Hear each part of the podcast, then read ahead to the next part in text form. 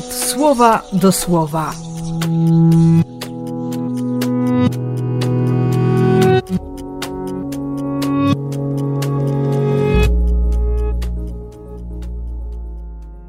Dwudziesty czwarty marca, piątek.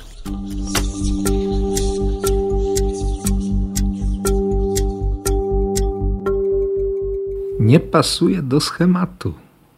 Nie taki, niewygodny przyglądam się sobie i, i próbuję znaleźć podobieństwo do tego człowieka, o którym mówi Księga Mądrości. I jakoś to blado wypada.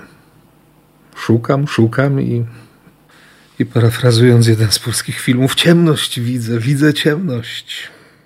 Choć to też nie takie złe dostrzegać swoją własną ciemność.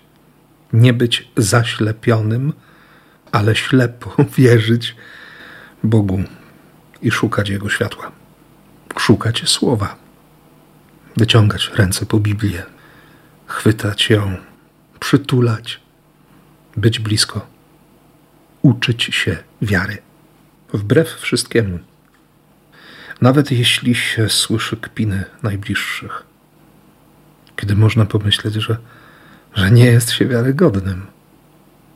Jezus dopiero co rozmnożył chleb Miał potężną mowę w Kafarnaum, a do jego bliskich nic nie dociera. Świat do was nie czuje nienawiści. Mnie nienawidzi z całej mocy. Ja go demaskuję, pokazując, że złe są jego uczynki.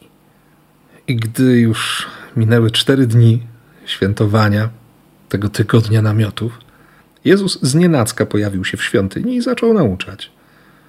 I tym razem starszyzna. Skąd? Przecież nie ukończył żadnej szkoły. Nazaret? Co tam jest? Nie? Może być coś dobrego z Nazaretu? Co o nim myśleć? To, że wiecie skąd pochodzę, nie ma nic do rzeczy.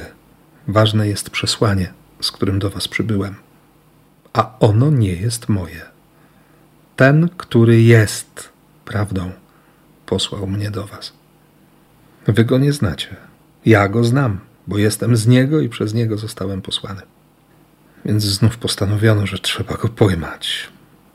Ale to nie był jeszcze jego czas. Bogu się nic z rąk nie wymyka. On się nie czuje nieswojo. On się nie znajdzie w sytuacji bez wyjścia.